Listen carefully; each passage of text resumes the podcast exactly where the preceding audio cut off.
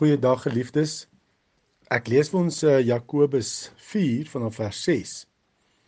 Maar die genade wat hy gee is nog groter.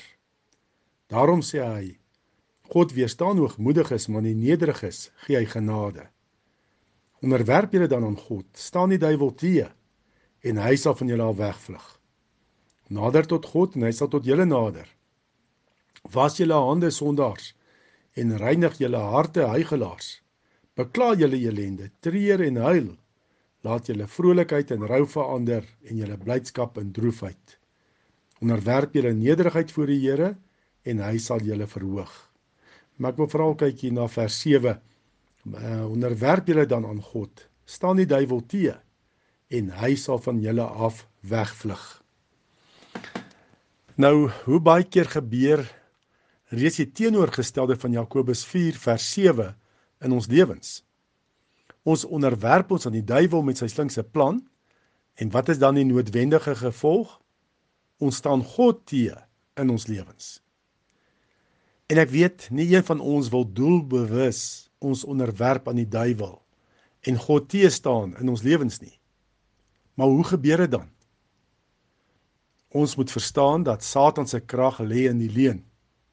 Hy het geen mag oor jou nie behalwe die mag wat jy aan hom gee as jy sy leuns glo. Sodra jy sy leuns glo, is jy besig om jouself aan hom te onderwerp en God se plan in jou lewe te te staan. Hoeveel Christene mislei is deur Satan se leengedagtes, kan ons maar net oor spekuleer. Ek vind dit as die die groot probleem tydens elke beradingsgesprek. Baie Christene worstel met negatiewe onderdrukkende gedagtes, maar hulle is te bang om enigiemand daarvan te vertel. Net nou dink ander persone hulle is besig om mal te word. Selde besef hulle dat hierdie verbuisterende negatiewe gedagtes reflekteer eintlik maar net die stryd wat in hulle denke aan die gang is. Paulus waarsku ons Die Gees sê uitdruklik dat in die eindtyd sommige afvallig sal word van die geloof. Hulle sal misleidende geeste navolg en die leerstellings van bose geeste aanhang. 1 Timoteus 4 vers 1. En aangesien Satan se primêre wapen die leuen is, is natuurlik jou verdediging teen hom die waarheid. Om teen Satan te veg is nie 'n magstryd nie. Dit is 'n waarheidstryd. Wanneer jy Satan se leuen ontbloot het met God se waarheid, is sy mag gebreek. Dit is hoekom Jesus self dit is hoekom Jesus gesê het en julle sal die waarheid ken en die waarheid sal julle vrymaak. Johannes 8 vers 32. Jesus het ook gebid sy hoë priesterlike gebed vir sy disippels en almal wat na hulle sal kom, die gelowiges na hulle. Hy bid, ons lees dit in Johannes 17 vers 15 en 17.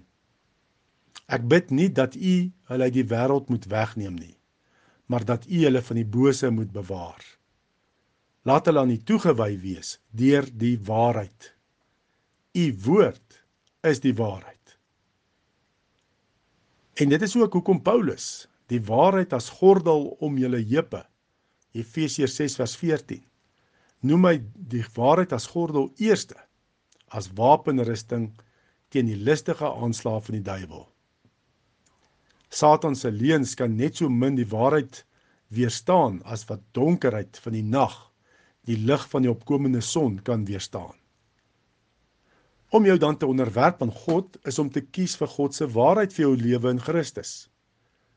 En om die duiwel te te staan is om sy leuns te identifiseer met God se waarheid in Christus en dan hierdie leuns te verwerp.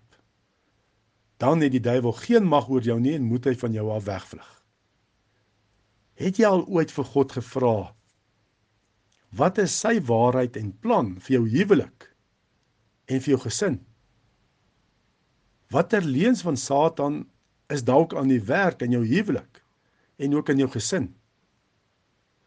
En besef jy dat Satan se plan vir jou huwelik en gesin is om dit te vernietig met sy leuns? Egskeiding is sy plan vir jou huwelik. God se waarheid en plan vir jou huwelik en gesin is weer herstel. genesing, liefde tussen gesinslede.